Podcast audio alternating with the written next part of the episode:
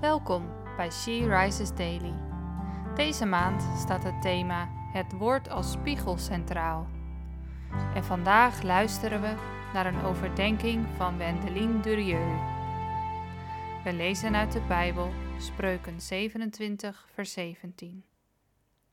Zoals men ijzer scherpt met ijzer, zo scherpt een mens zijn medemens.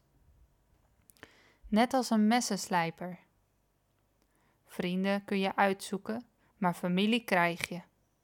Ook je broers en zussen in de kerk. En dat kan soms knap lastig zijn. Wat zijn er veel mensen de kerk uitgelopen omdat ze het niet konden vinden met de voorganger, de oudste, de organist of de koster, of met hun medebroer of zuster. De verhalen zijn legio en de pijn is onbeschrijfelijk. Bij de weglopers en bij de achterblijvers. Want op de een of andere manier is de tekst van vandaag in het grote boek van mijn vader terechtgekomen. En in dat boek staan geen leugens. Dus wij mensen moeten geslepen worden om scherp te blijven. En slijpen doet pijn.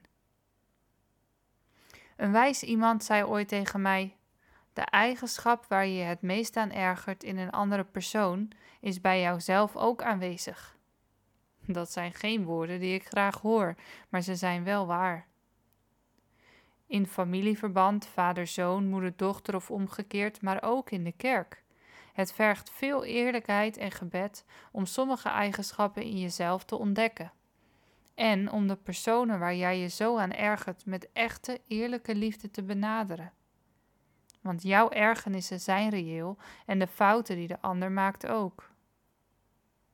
Wie in zijn volste recht meent te staan en bij Jezus komt klagen, krijgt altijd hetzelfde antwoord.